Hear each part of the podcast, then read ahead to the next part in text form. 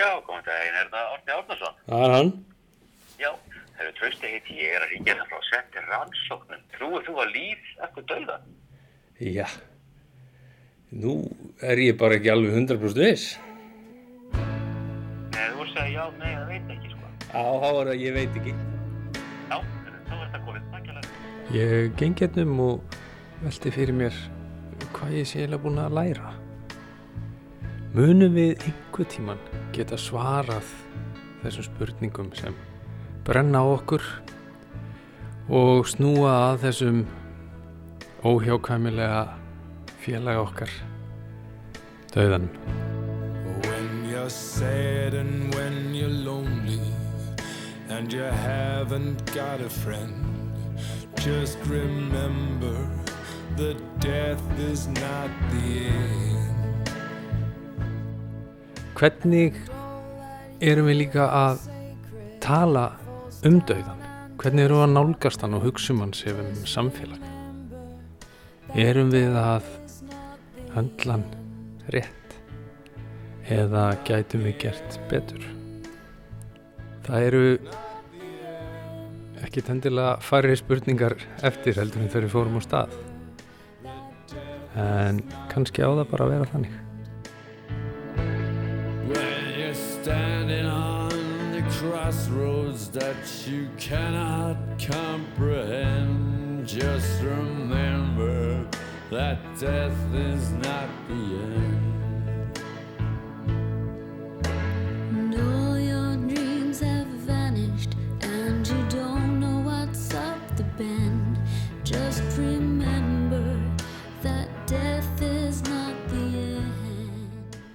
Það eru svo margar mýtur í kringum andlát og, og sorg og missi og eina af þeim er að við hefum að rjúfa ykkur tengsl og skilja við og klára ferlið og það er bara ekki rétt, það er bara ekki gaglegt. Eh, Við syrgjum að því við elskum og ein leið til að haldi heiðri ástinu og kærleikanum er að næra það, er að, að tala um það, að viðhalda þessum tengslum og við gerum það í samfélagi með öðrum og dauðin er partur af tengingunni sem við eigum við þann sem er látin.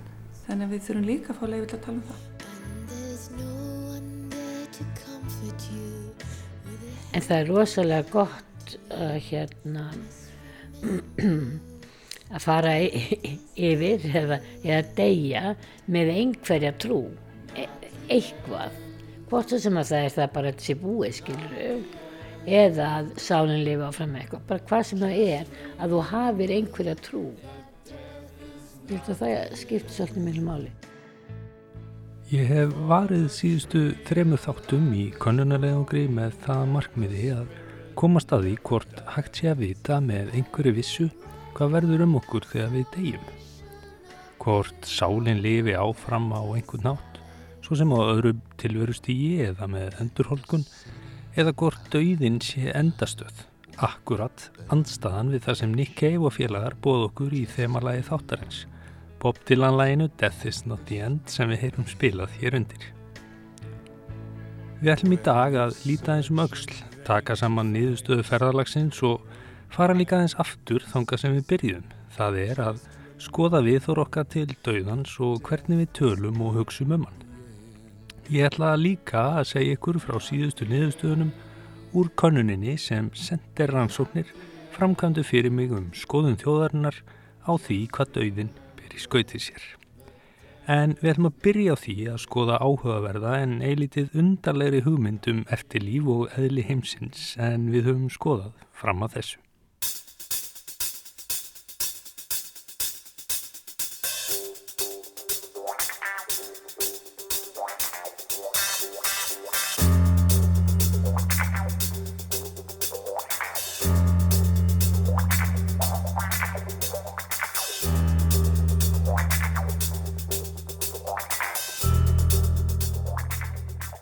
Þetta er bandaríski tónlistamæðin Isaac Hayes og lægið er titila kvikmyndarinnar Sjaft frá árunu 1971. Lag sem fekk Óskarsvölunin sem besta frumsanda lægið það árið.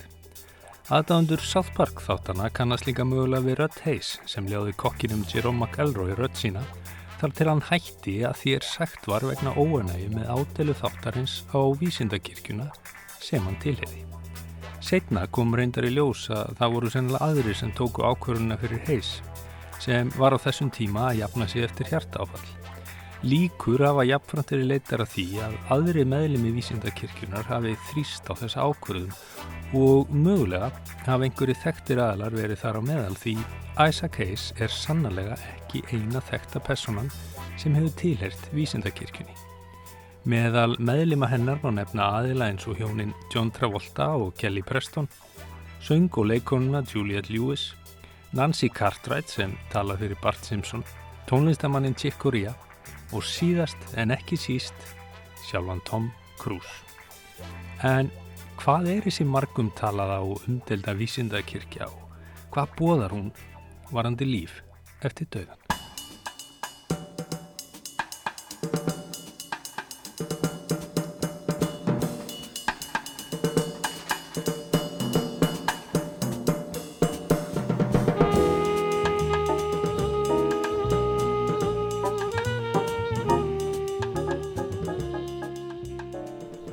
Vísindakirkjan var stopnuð af vísindaskáldsagna-höfundinum L. Ron Hubbard, konu hans Mary Sue Hubbard og John Galusha í Camden, New Jersey í byrjun sjötta áratögunis.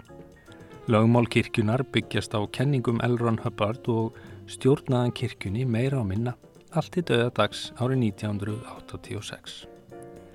Liðsmenn vísindakirkjunar trúa því að fólk sé raun ódöðlega gemurur, kallaðar þetanar sem svipar að vissuleiti til sjálfsins eða sálarinnar eins og hún byrtist í öðrum trúabröðum þó vissulega séu ímis frávik frá því. Það er svo þetaninn sem stjórna mannslíkamannum en ekki miðlega tögakerfið. Þetanarnir eiga hafa vorið fastir hér á jörðin í mannslíkumum eftir að hafa glemt raunverulegu eðli sínu. Vísindakirkjan bóða líka að hver þetani hafi lifa mörgu sinnum áður bæði hér á jörðinni í mannslikumum og öðrum nöttum. Með því að nema, sækja sér þekkingu í gegnum námskið og fleira, á fólk svo að geta losa sig undan þessu mannlega formi og endurheimt sitt sanna sjálf. Námsefnið kostar svo ofta auðvitað talsverða peninga sem er eitt af því sem vísindakirkjan hefur verið gaggrinn tverir. Reyfingin er reyndar afar umdelt og einungis viðukend sem trúfélag í átta Mart fleira væri hægt að segja um hreyfinguna en það er örglega efni í heila þáttaröð. Við skulum halda okkur við að skoða hvað vísindakirkjan segir að gerist þegar við deyjum. Hvar er Isaac Hayes núna? Sálans hefur líklega fæðist í öðrum líkama eftir því sem vísindakirkjan segir þó það sé eilitið óljóst hvernig. Eftir því sem þettan er eldist þá færist hann upp nokkus konar stiga og ef hann kemst nægilega hátt þá hefur hann ekki lengur þörf fyrir líkama og verður hrein og óaskiljanleg sál. Því hefur verið haldið fram að Isaac Hayes hafi náð þessu efstastígi og því sé hann mögulega bara á sveimi. Frjál sál með enga þörf fyrir nýjan líkama. Það er líka rétt að taka fram að kirkjanlegur áherslu á að þetta sé ekki samskonar endurholdgun og í til dæmis bútisma og hinduisma, svipa á við höfum kynnt okkur áður í þessum þáttum, þar sem karma spilar stóra rullu. Þarna sem að ræða velrænt praktíst ferli. Já og eitt enn. Það er til frægsaga því þegar haft var eftir höppart á sjötta áratögnum að eftir dauðan þá væri farið með þetanandi stöðvar á Venusi hvar hann væri forritað með lígum, settur í hilki og henda aftur til jarðar. Þar þvældist hann um í leita barni til að taka sér bólstað í. Það er ekkit annað. Reyndar hafa leðtú að vísindakirkjuna sagt eftir þetta að mönnum væri frálst að trúa þessari sögu eða ekki, svo lengi sem þeir livðu í anda kenningakirkjunar. Þó vissulega sé gaman að kynna sér vísindakirkjuna og þeirra kenningar, þá halda þær enga með vatni og standast litla skoðum. Kenningarnar og sérstaklega þessum Venus fá því engunina engar líkur.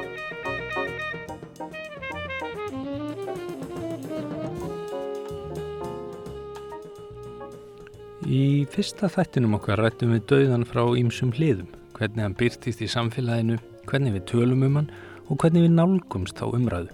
Það er við hæfið að taka þessu upp þráðinn þar sem frá var orfið og leit upp í mannesku sem hefur sérþekkingu og mikla reynslu af því að fást við sorg og sorgaviðbröð. Hún uh, Bryndís Einarstóttir, sálfræðingur hjá sálfræðstofunni Líf og Sál hefur unni mikið með sorg og sorgaviðbröð í sínu starfi og ég veit að hún hefur sterkar skoðanir á því hvernig við nálgumst umræðu um dauðan og uh, tökum á móti honum í daglegu lífi og ég ætla því að gera mér fertilinnar upp á höfðabakka og uh, ræða við hana um þessi hugðaröfni hennar. Góðan daginn, hæ, ráðum við því.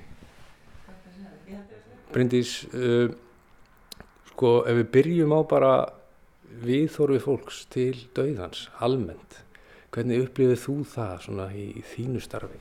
Almennt, já, bara eins breytt og fjölbreytt og verið mörg í raun og veru. Uh, fólk er almennt frekar bara rætt við dauðin í raun og veru. Nema kannski þeir sem er að nálgast hann frekar. Mér veist, sko, maður sér meira aðruleysi. Þeir að nálgast bæði hjá þeim sem er á þeirri vekkfæru og eins aðstandinum. Uh, það er eins og að fari bara í gang einhvern veginn ferli, þetta, það verður svo skýrt að þetta er eðlilegur gangu lífsins. Þannig að ég, ég hugsa sé með dauðan eins og bara flest annað lífinu að meðan það er langt í burtu frá okkur þá er það óskýrt og, og illa áþreifilegt en svo þegar það færi snær að þá eh, hverfur ógnin einhvern veginn úr því. Finnst þér fólk eitthvað erfið með að tala um dauðan? Kanski er, er það sama? Er það auðveldar eftir því sem mann verður áþreifanlega? Ég hugsa að verður auðvildar eftir þess að mann verður áþreifanlegri e, og ég sé það til dæmis, ég vinn mikið með fólki sem, sagt, sem er að fara í gegnum ástvenamessi og búið að, að missa og stendur frammi fyrir oft mikill og djúbstæri sorg og þeir einstaklingar eiga bæði auðvildar með að tala um dauðan og hafa líka meiri þörf fyrir það. Þörf fyrir að tala um aðdraðandan, um aðstæðunar, um andlátið, vanga veldur hvað gerist eftir, tengsl við þann látna eftir hann er farin og svo framvegis. En þeir reyka sig mjög mikið á það að umhverfið þeirra á erfitt með að ræða dauðan og umhverfið sem að þá oft eru einstaklingar sem standa fjær dauðanum, þeir eru erfiðara með það í raun og veru. Þannig já, þeir sem stíga inn í þetta mengi eiga auðvöldar með það.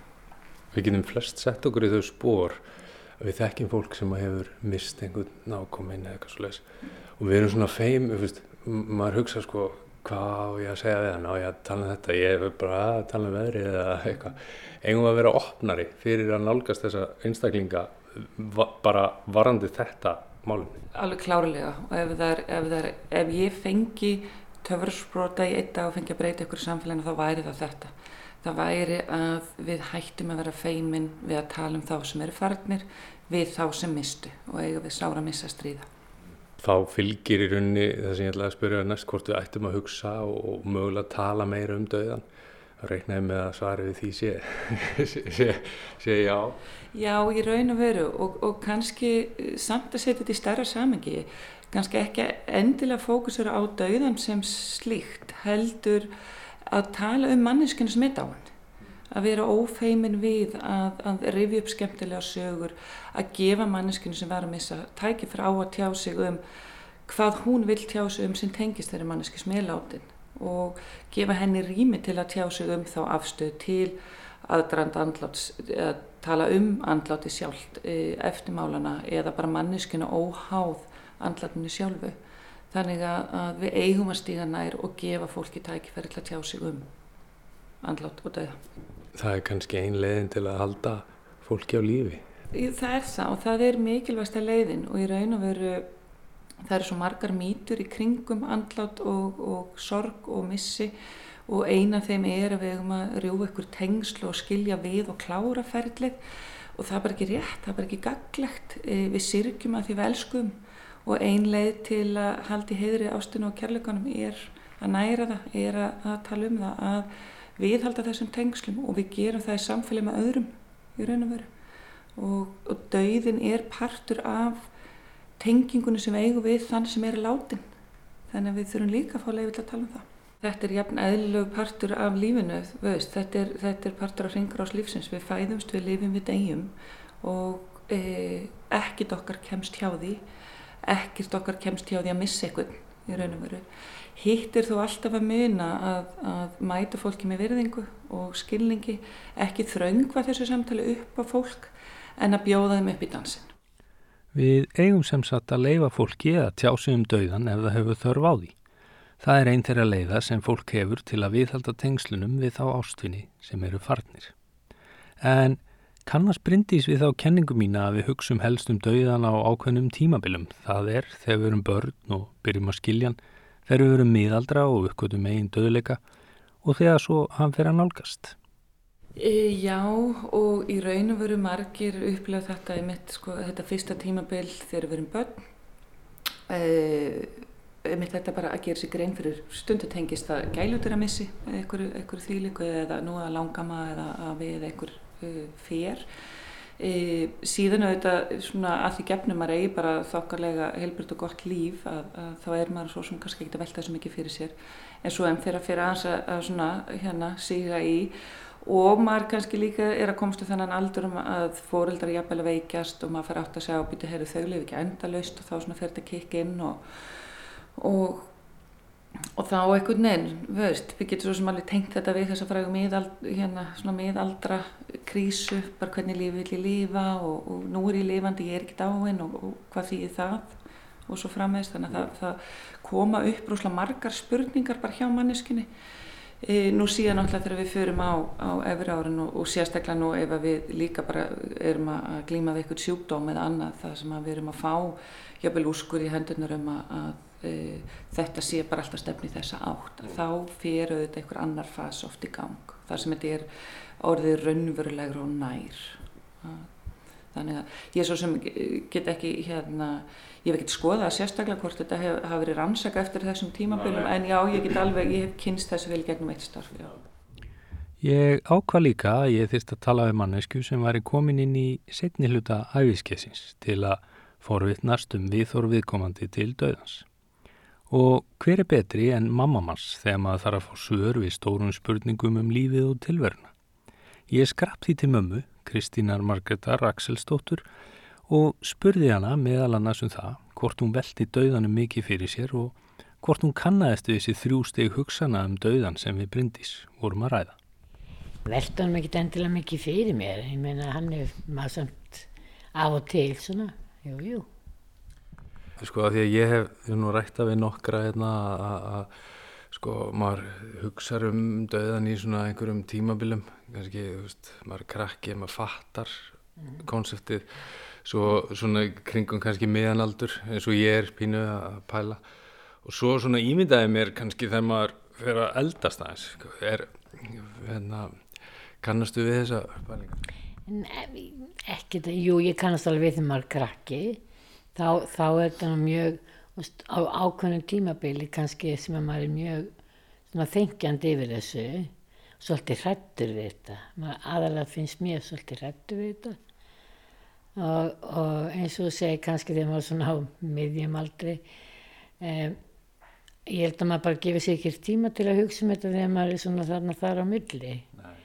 þegar maður er að e, byrja lífið og eigna spörni sín og eitthvað svona þá er, er maður ekkert einhvern veginn í þessum hugleggingu held ég ekki.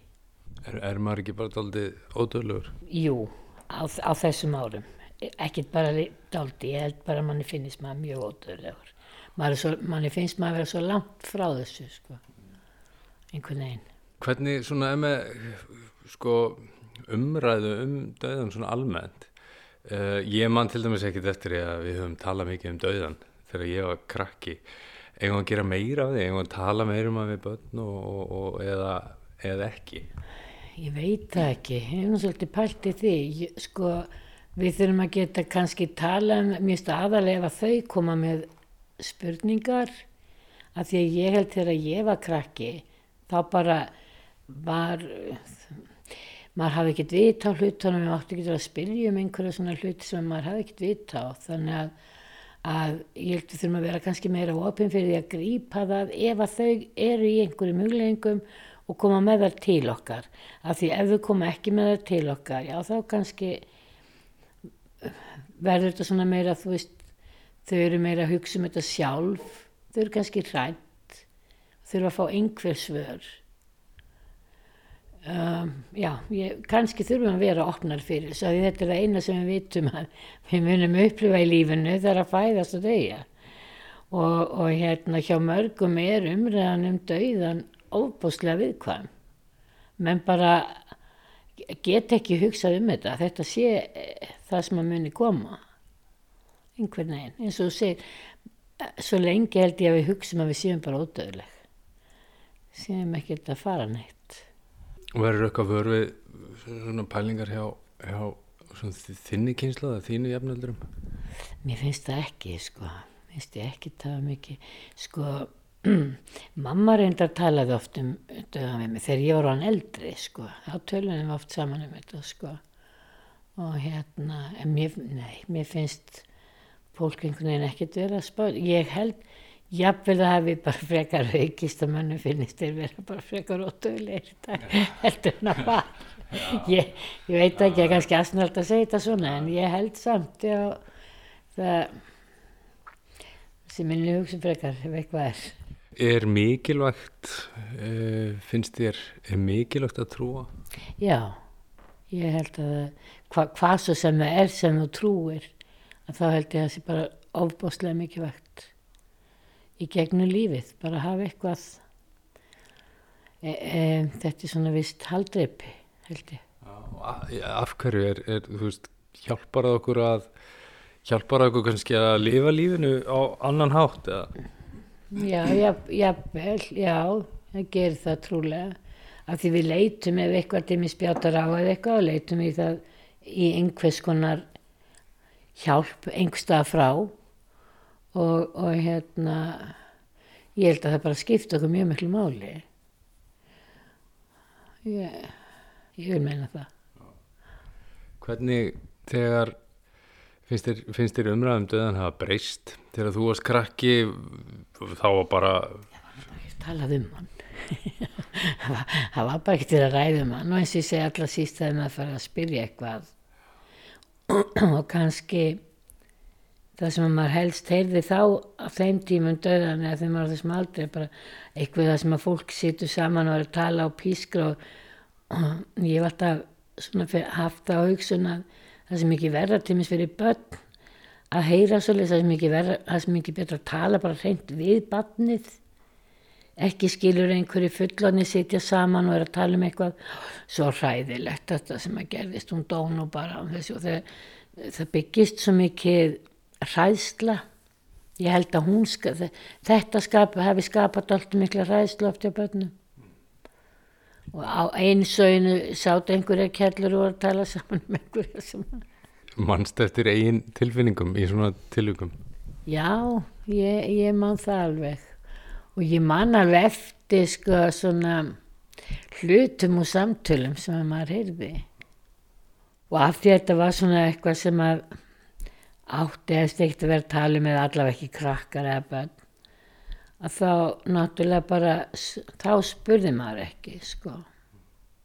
En hérna skipti máli eigum við að reyna að komast að því hvað verður um okkur eða munum við aldrei geta og heldur að skipta einhverju máli? Ég, ég hef nú hafa trú að við munum aldrei geta það. Og þar alveg er ég ekkert viss um að þetta skipti mjög miklu máli. Já, það getur verið erfitt að þóra ekki að spyrja um hluti sem maður þekkir ekki og geta vannmætti í eigðunar, sérstaklega þegar maður er barn. Því er rétt að árétta mikilvægi opina tjáskipta og að vera vakandi fyrir því hvernig við ræðum viðkvæma hluti eins og dauðan við börnin okkar. Við rættum þarna líka mikilvægi þess að hafa einhvers konar skoðun á því hvað tekur við eftir dauðan en sitt sínist hverjum um það. Við skulum kíkja aftur til hennar breyndisar. Skipti máli fyrir okkur sem manneskjur að hafa sterkar skoðun á því sko, hvað tekur við eftir döðan eða hvort er raun eitthvað takið við. Mín tilfinning með þá einstaklinga og hópa sem ég hef unni með varðandi sorg ástöðuna missi nei, í raun og var ekki. Það sem kannski ég held að skipti máli er annars verður ég tala kannski um þá, þá einstaklinga sem er að nálgast endalínuna það sem ég hefur fundið skipta máli fyrir þá einstaklinga er einhvern veginn að finna að þeir geti skilið við fólki sitt í sátt. Að það er einhvern veginn það sem skiptir meira máli að, að, að þeir einhvern veginn uh, pínið og maður þekki maður að fara í ferðalega mann á að kissa börnin sín bless, einhvern veginn. Eh, það verður oft meira aðruleysi hjá þeim hvað tekur við einhvern veginn. E, og ég held það sem að það, svona sittur aldrei í mér þetta að, að bara að fólk fá tækifæri til að vera trútt sinni sannfæringu. Ef þú trúur að lífa til dauðan að það sé virt við þig. Ef þú trúur ekki að lífa til dauðan að það sé virt við þig. Að fólk fái að hafa sinn háttin á í sínum skoðunum í þessari síðustu vegferð. Það sé miklu mikilvægara fyrir friðþæginguna að þetta er alltaf huglagt í raun og veru hver trúin okkar er. Að, að fólk bara fái, já, að aðrir virði skoðanir þeirra og þau fá að hafa sinn háttin á. Og sama hátt og við fáum að hafa okkar hátt á við að sirkja. Klárlega og, og, og það er hérna að virða það mitt sko það var góð prestur sem ég átti samtal við einu sinni þá hafði e, ekki að sagt já, e, missi manni sinn og, og hún sagði já hann vildi ekki hann vildi ekki, hann vildi jarða í kyrþei og prestur sagði já en jarðaförun er ekki fyrir hann. Hann er látin hvers þarnast þú? Og hún hafði þörf fyrir jarðaför og fá allt fólki sitt og fólki hans saman. Og hann sagði hann er dáin á farin, hann stjórnar ekki jarðaförinni sinni. Þannig að mér fannst og mér fannst þetta svo traustveikjandi að heyra þetta frá einmitt prestunum að að, e, að bera virðingu fyrir skoðunum manneskina sem er í síðustu vekkferðinni sinni þanga til að henni lokið. Þá tekum við hvað með aðstændendur hvað eru þeirra þarfir og þeirra óskir og bera virðingu fyrir því. Hér skulum við gera örlittla pásu og skipta um gýr Við heyrum betur í Bryndisi og mömmu á eftir.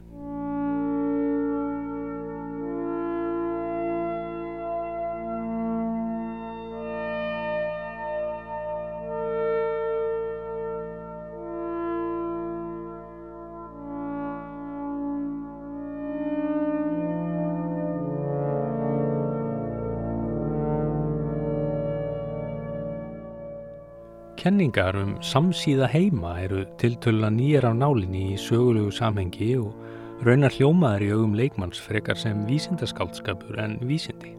En trúi mér, það er nógu af vísindum í þessum kenningum og þó það snúist ekki beint um dauðan og hvað gerist þið hann, þá snertar í raun á allri heimsmyndinni og því á sama tíma dauðan. Ég ætla því að tæpa örlítið á þessum kenningum en halda mig við stórumyndina því Það er auðvelt að týnast í þessum pælingum.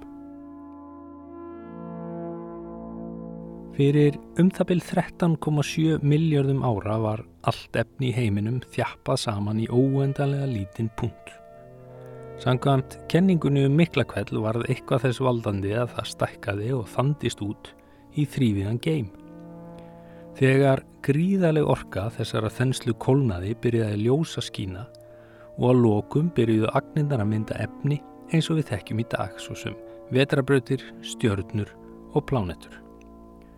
Stóra spurningin er svo hvort sá heimur sem við þekkjum og lifum í sé sá eini sem var til við mikla kveld. Margir vísindamenn telja ekki en svo tækni sem við búum yfir í dag gerir okkur ekki kleift að sjá lengra en okkar heimur nær. Því hann er bógin og við erum inni í fiskabúrunu ef svo má segja og sjáum því ekki þá hlið sem snýr út, ef hún er þá til.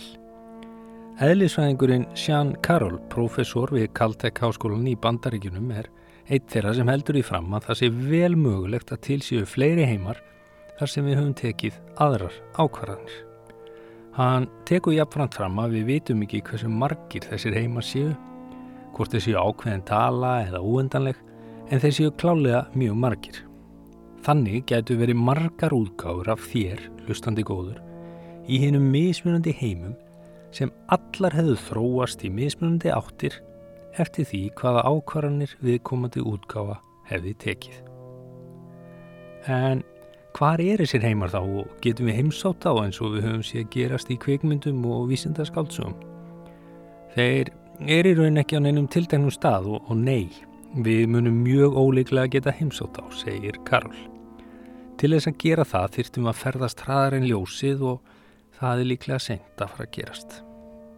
Við erum því ekki að fara að upplifa hína heimana og það er því ólíklegt að ferðala þangað sé á dagskráni þegar við deyjum. En kenningin er skemmtileg og meðal vísindamanna sem hafa stuttana er Stephen Hawking en síðasta greinin sem byrtist eftir hann fjallaði mitt um samsíða heima. Þannig kenningin sjálf fær einhvernuna frekar mikla líkur en það eru eins og mjög litla líkur á því að samsíða heimar hafi áhrif á það hvað verður um okkur og sérstaklega þau sjálf sem við erum í dag þegar við deyjum.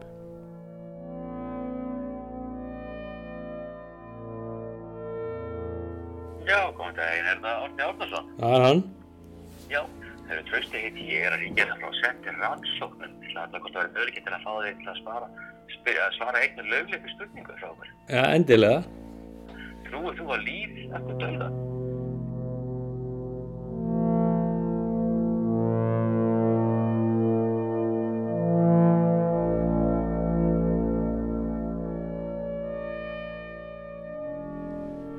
Ég, uh, ég let gera könnun, uh, hérna erum við byrjað á þessu verkefni og, og, og það sem við í rauninni spörðum um trú Íslendinga á, á lífið til döðan. Uh, og það var ímislegt áhugavert sem kom í ljós, til dæmis það að, að helmingur aðspura þjóðarinnar sagðist trú á lífið til döðan. Er það tala sem kemur óvart að heyra hana? E, nei, raun og veru ekki. Það hafa auðvitað, við höfum verið að breyta sér samfélag úr í raun og veru frekar svona kristnu samfélagi þar sem að, kirkjan hefur verið alltaf máttastólpi yfir í að, að yngri kynnslur er að fjarlagast, bara trúar bara almennt. E, þannig að e, það kemur ekkit, það kemur ekkit óvart ef þetta hefur verið, svona konn hefur gerð fyrir 50 árum þá hefur svarhlutalli, sem hefur verið fleiri sem að myndi trú líf eftir döðan. Mm.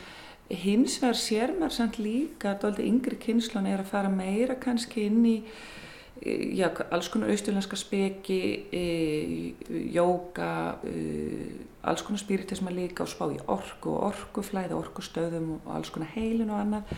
E, þannig að mm, það kemur ekkert orð að einhverjir, það væri slagsið yngra fólkinu sem að uh, trúir á einhvers konar lífi til döðan þó það var ekki þessum, þessari skilgreiningu biblíunar mm. í raun og veru. En uh, þetta eru þetta eru alltaf hátt hlutfall með að við mörg lönd í kringum okkur uh, gæti ímda mér. En þar kemur held ég líka inn í alva trúin og, og, og svona já, blandast mikið í menningun okkar inn í. Þannig að já Einmitt, það, það er um þessna sem ég held jafnvel að þetta er herra sko. E, ég fann sambarlega tölur í bandarækjunum það eru 70%. 70% þar sem að trúa líf eftir döðan, já, en þar ertu náttúrulega með alveg rosalega sterkar trúarlegar hefðir í raun og veru. Að fyrir utan biblíubeltið að þá ertu líka bara með óbáslega öflug, sterk trúfélög e, af, líka semst, bæði í geðingum og, og íslam og kristinni trú. Þannig að, að þeir, það er miklu ríkari trúarleg menning þar heldur en okkar samfélagi. Og ég held að kannski hafi aldrei tekist almennilega kristn okkur hérna. Nei, kannski ekki. Það er annað áhugavert sem, sem kom í ljós og, og það er svo staðrænt að, að sko tveir þriðji hlutar hvenna, 66% sögðust trú á líf til döðan. Á móti 39% sem er rétt rúmlega einn þriðji hluti kallmanna. Þannig að sem er umdalsverður og, og margtæka munur. Þannig að það eru nánast tvöfalt fleiri konur sem trúi lífið til döðan heldur en kallar e, ég veit að það kannski kemur flatt upp á en, en, en, en svona fyrstu viðbröð hver, hverður getur verið skýringin á, á þessum mikla mun og villi kynja fyrstu viðbröð mín er eiginlega það er alveg saman hvað ég segja það er að passa mig. Það er hérna það má ekki ekki neitt hóp sko. E, vá mér finnst þetta skrítið. E, og ég hef oft verið spurðað eða ég er til dæmis með til dæmis hátt hlutfall e, af mínu skjólstangum eru kallmenn og ég er oft spurðaði hvort að kallar séu minni tilfinningaverur eða með minni tilfinningagreind eða því ekkit, kallar er ekki næmir og annað. Og því er ég algjörlega ósámala að ég sé engan mun á kynjum þegar kemur að næmni eða innsægi varandi tilfinningarlífið og annað. Þannig að, að þetta kemur ávart í raun og veru e, ég veit ekki hvort að þetta sé þá frekar e, partur af e, samfélagslegri mótun eða kröfum samfélagsins á að það samræmist ekki karlægum gildum, svona maskulin gildum að vera sterkur og, og trú ekkit á neitt annað og veist. Þannig að, að ég myndi frekar halda þetta endur spekla það heldur en, heldur en e, já, ég held að karlar eru alveg færir um að nálgast andli málefni eins og konur. Sagði Bryndís Einarstóttir sálfræðingur hjá sálfræðistofunni Líf og Sál þegar ég bar undir hana niðurstöður konunarinn okkar og þann kynjamun sem þar kom fram. En hvað segir hún þegar ég spyr hana hvort það sé fyrirsjáanlegra að trú á líf eftir döðan virðist algengari meðal þeirra sem eldri eru? Já, í raun og veru, kannski bæði af tvennu, bæði þetta sem ég sagði áðan með að e, ég held að það hafi verið ríkari bara trú sagt, í e, eldri kynnslóðum, þannig að maður sé kannski þetta sýt alltaf endur spekla bara breytingar í kynnslóðunum, við erum að fjarlægast í raun og veru kirkjuna og, og svona þessa trú í raun og veru. E, ég held líka og ég sé þetta alveg hjá ákveðin kynnslóð, til þess að fólk fætt já bara við segjum gamlega hýpparnir sko fætt þetta e, 50 pluss að e, sem að höfðu örglega ekkert mikið í heyri margir af þessar kynslu svona þessar, þessar kristnu trú þannig séð að, að maður sér þetta fólk oft verið að færa snærði aftur. Þannig að, að þá veltum maður reynd upp sko í raun og hvað er trú, trú snýst um alveg sama hvort þú til eru trúfélag eða ákvöðu trúir, þetta snýst um hugreistingu, þetta snýst um akkeri, þetta snýst um að finna einhvern veginn fótfestu og kannski þurfum við fyrir að nálgast einhvern veginn, já þessa leið að þá kannski sækjum við frekar í haldreipi. Samfélagsbreytingar og áhrif þeirra á það hvernig við nálgumstöðan er eitthvað sem hefur komið upp hjá okkur áður í þessum þáttum og gerði það líka þegar ég rætti við þær mömmu og brindi sig ég menna hérna áður þá eh, dó bara fólk á heimilum og, og, ungt fólk og bara upplýði þetta bara sem bara svona meira norm. Ég held að það sé kannski árið svolítið svoleiðis í dag sko. Svona, það er mjög óalgengt að fólk sé eða mikið algengar að fólk sé að deyja á elli heimilum eða einhverstaðar ég hugsa það. Það er svona kannski verið þetta fjarlægara. Þó að við séum að þessi, þessi breytinga við sem að fjarlægast í raun og veru doldi trúfélag og, og annað og ég er ekki að ég er ekki að ektra fyrir því að allir vera að gangi trúfélag, alls ekki. En við þurfum að gera eitthvað grein fyrir að það hefur ákveðnar afleðingar fyrir samfélagi heilsinni þegar kemur að til dæmis andlátum og sorg og missi. Að það er og ef við pyrum það líka með því að við manneskin er einangrast í raun og veru okkar nútíma samfélagi að það eru minni hópar, fólk, það eru færri á heimilum og svo frammeins og stuðningsnetið, nær stuðningsnetið er minna. E, þannig að það er að aukast að fólk sem er að standa fram fyrir því að vera að missa ástvenni og stendur fram fyrir döðunum, að það er minna sem grýpur það í dag heldur en var kannski fyrir 20, 40, 50 árum síðan. Og, og það vantar einhvern veginn doldið að fylla upp í það. Og þar mögum við bara sem samfélag taka doldið betur utan um hvort annað og, og hjálpa okkur öðru. Ég held við getum öll tekið undir þessi orð brindísar um að við þurfum að vera duglega að hjálpa hvert öðru og passa upp á það að enginn standi einni í þeirri raun sem personlu upplifunar döðanum er. En við nálgumst nú lók þessara serju. Áður en ég tek saman niðurstöðu ferralagsins þá ætla ég að ræða stórumálinn aðeins betur við hana mömmu. En þú, mamma, sem allt veist, Nei. Hvað gerist þegar degjum? Ég, ég vildi ég hefði svari við því. Mikið vildi ég að svari við því. Ég hérna, ég get eiginlega ekkit, ég get ekkit fullir hvað gerist þegar degjum. En ég einhvern veginn vil trúa því að það sé ekki endilega endurinn á öllu ferli. Af því þá er þetta svo stutt ferli finnst mér. ég veit ekki alveg hvernig ég get útskýrt það frekar en hérna já, mér, ég, hvað, hvað gerist? Hvað verður en sálina? Við veitum alltaf alveg hvað verður en líkamann en hvað verður en sálina? Og hvað, hvert verður hún? Er sálinn til? Já, það held ég. Ég held það. Óháð þessu hulstri. Já, ég, ég held það. Ég, það er mín trú. En hver er þá tilgangur lífsins? Þegar stórt er spurt, þá er kannski fátt um svör.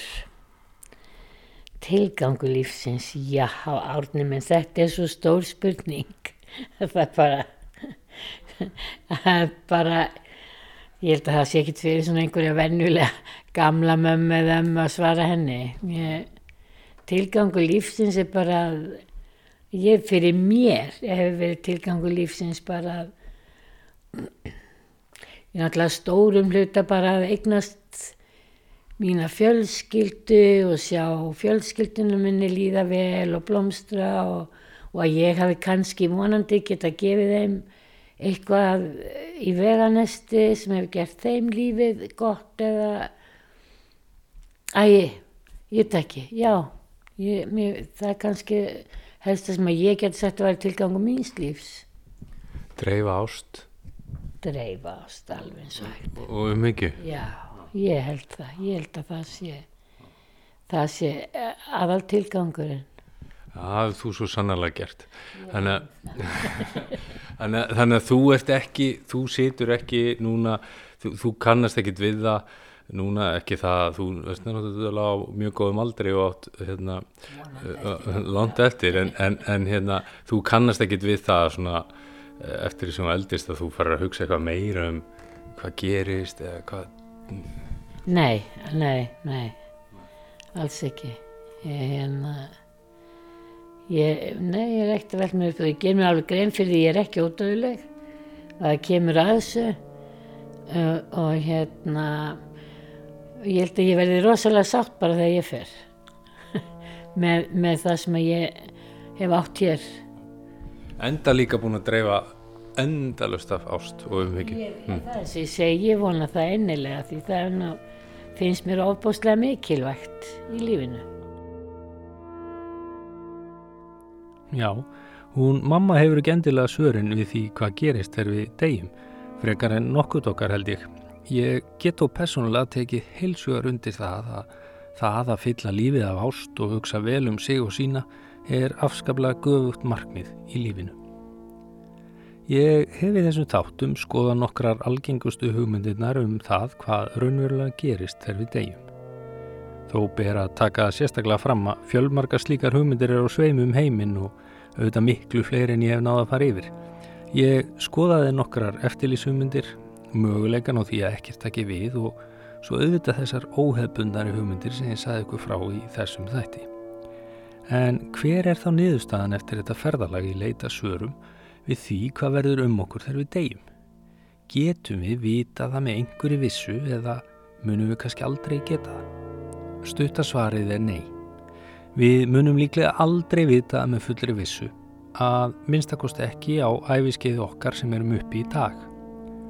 Og þó ég hafi gefið flestum eftirvísugmyndunum einhvernina frekar litlar líkur en hugmyndinni um að ekkert taki við einhvernina frekar miklar líkur þá segir það í raun ekkert annað en það að miða við þau gögn og þá vísindathekkingu sem liggur fyrir í dag er líklegast að niðurstaðan svo að þegar við deyjum þá sé þetta bara búið. Vísindin hafa hins vegar ekki náða að svara spurningunni afkennandi og óviss hvort við gerir það nokkuð tíman. Meðan svo er þá er spurningunni enn ósvarað og í raun ímsi möguleikar opnir. En hvað vitum við þá með vissu um döðan? Hér eru nokkrar staðrindir. Manneskjan heldur meðvitund í smástund eftir döðan því heilabilgjur skjótast um heilabörkin í 20 sekundur eftir að viðkomandi deyr. Vísindamönnum hefur tekist að lífga við svínsheila sem gefur ímsar vonir í baráttunni við heilaskemtir. Genin okkar halda áfram að starfa í mögulega einhverja daga eftir að við deyjum. Orkan okkar lifir áfram eftir að við deyjum. Fyrsta lögmál varmafræðinar kennir okkur nefnilega að orkan sem knýr allt líf haldi áfram og geti aldrei orðið að engu. Og öfugt við það sem margir halda þá vaksa hár okkar á neglur ekki áfram eftir að við deyjum. Það er húðin sem þornar og tógast frá nöglunum og Því getur mönnum vist sem það hafi lengst. Áhugavert. Ég hef líka rætt dauðan og hvernig við nálgumst umræðum hann við marga viðmældum mína. Nýðustaðan úr þeim samtölum er svo að við höfum á undanföldum áratugum fjallagst dauðan og eigum þar að leiðandi kannski erfiðara með að tala um hann. Viðmælundum mínu voru flestir sammála um að umræðan mætti gerna vera opnari. Það gæti til dæmis komið í veg fyrir óta sem er mikilvægt því óti við dauðan getur bytna á lífinu og eins gæti opnar umræða hjálpa þeim sem sirkja að vinna úr sinni sorg. Og þá að könnunni sem hefur fyllt okkur í gegnum þessa þætti. Við höfum séð áhugaverðar niðurstöður eins og til dæmis mikinn mun á viðþóru við kynjana til hugmyndarinnar um líf eftir döðan. En hvað með aðra bakgrunnsbreytur? Jú, það er til dæmis talsverði munur og svörum millir Reykjavíkur og landsbyðar. Þannig trúa 46% reykvikinga á líf eftir döðan samanbúri við 59% íbúa landsbyðarinnar og þeir sem er í hjónabandi eru talsvert líkleri til að trúa því að eitthvað taki við því 57% þeirra svöruðu spurningunni í átandi samanbúruði 45% innleipra og fólks í sambúð. Síðasta staðrindin geti einfallega tengst í að gift fólk er alla jafna eldra og þannig líklæra til að trúa líf eftir döðan en hver veit. Við erum allavega ímsu vísar en við þóru víslendinga til hugmyndarinnar um líf eftir döðan. að lokum þetta. Þegar allt kemur til alls þurfum við að horfa inn á við í leit að svarinu við þeirri spurningu hvað verður um okkur þegar við deyjum. Hvað segir einslan okkur, sannfaring og trú? Svarið býr innra með okkur öllum og svarið þitt, kæri hlustandi, er réttasvarið. Þar býr döðans vissa. Lifið heil.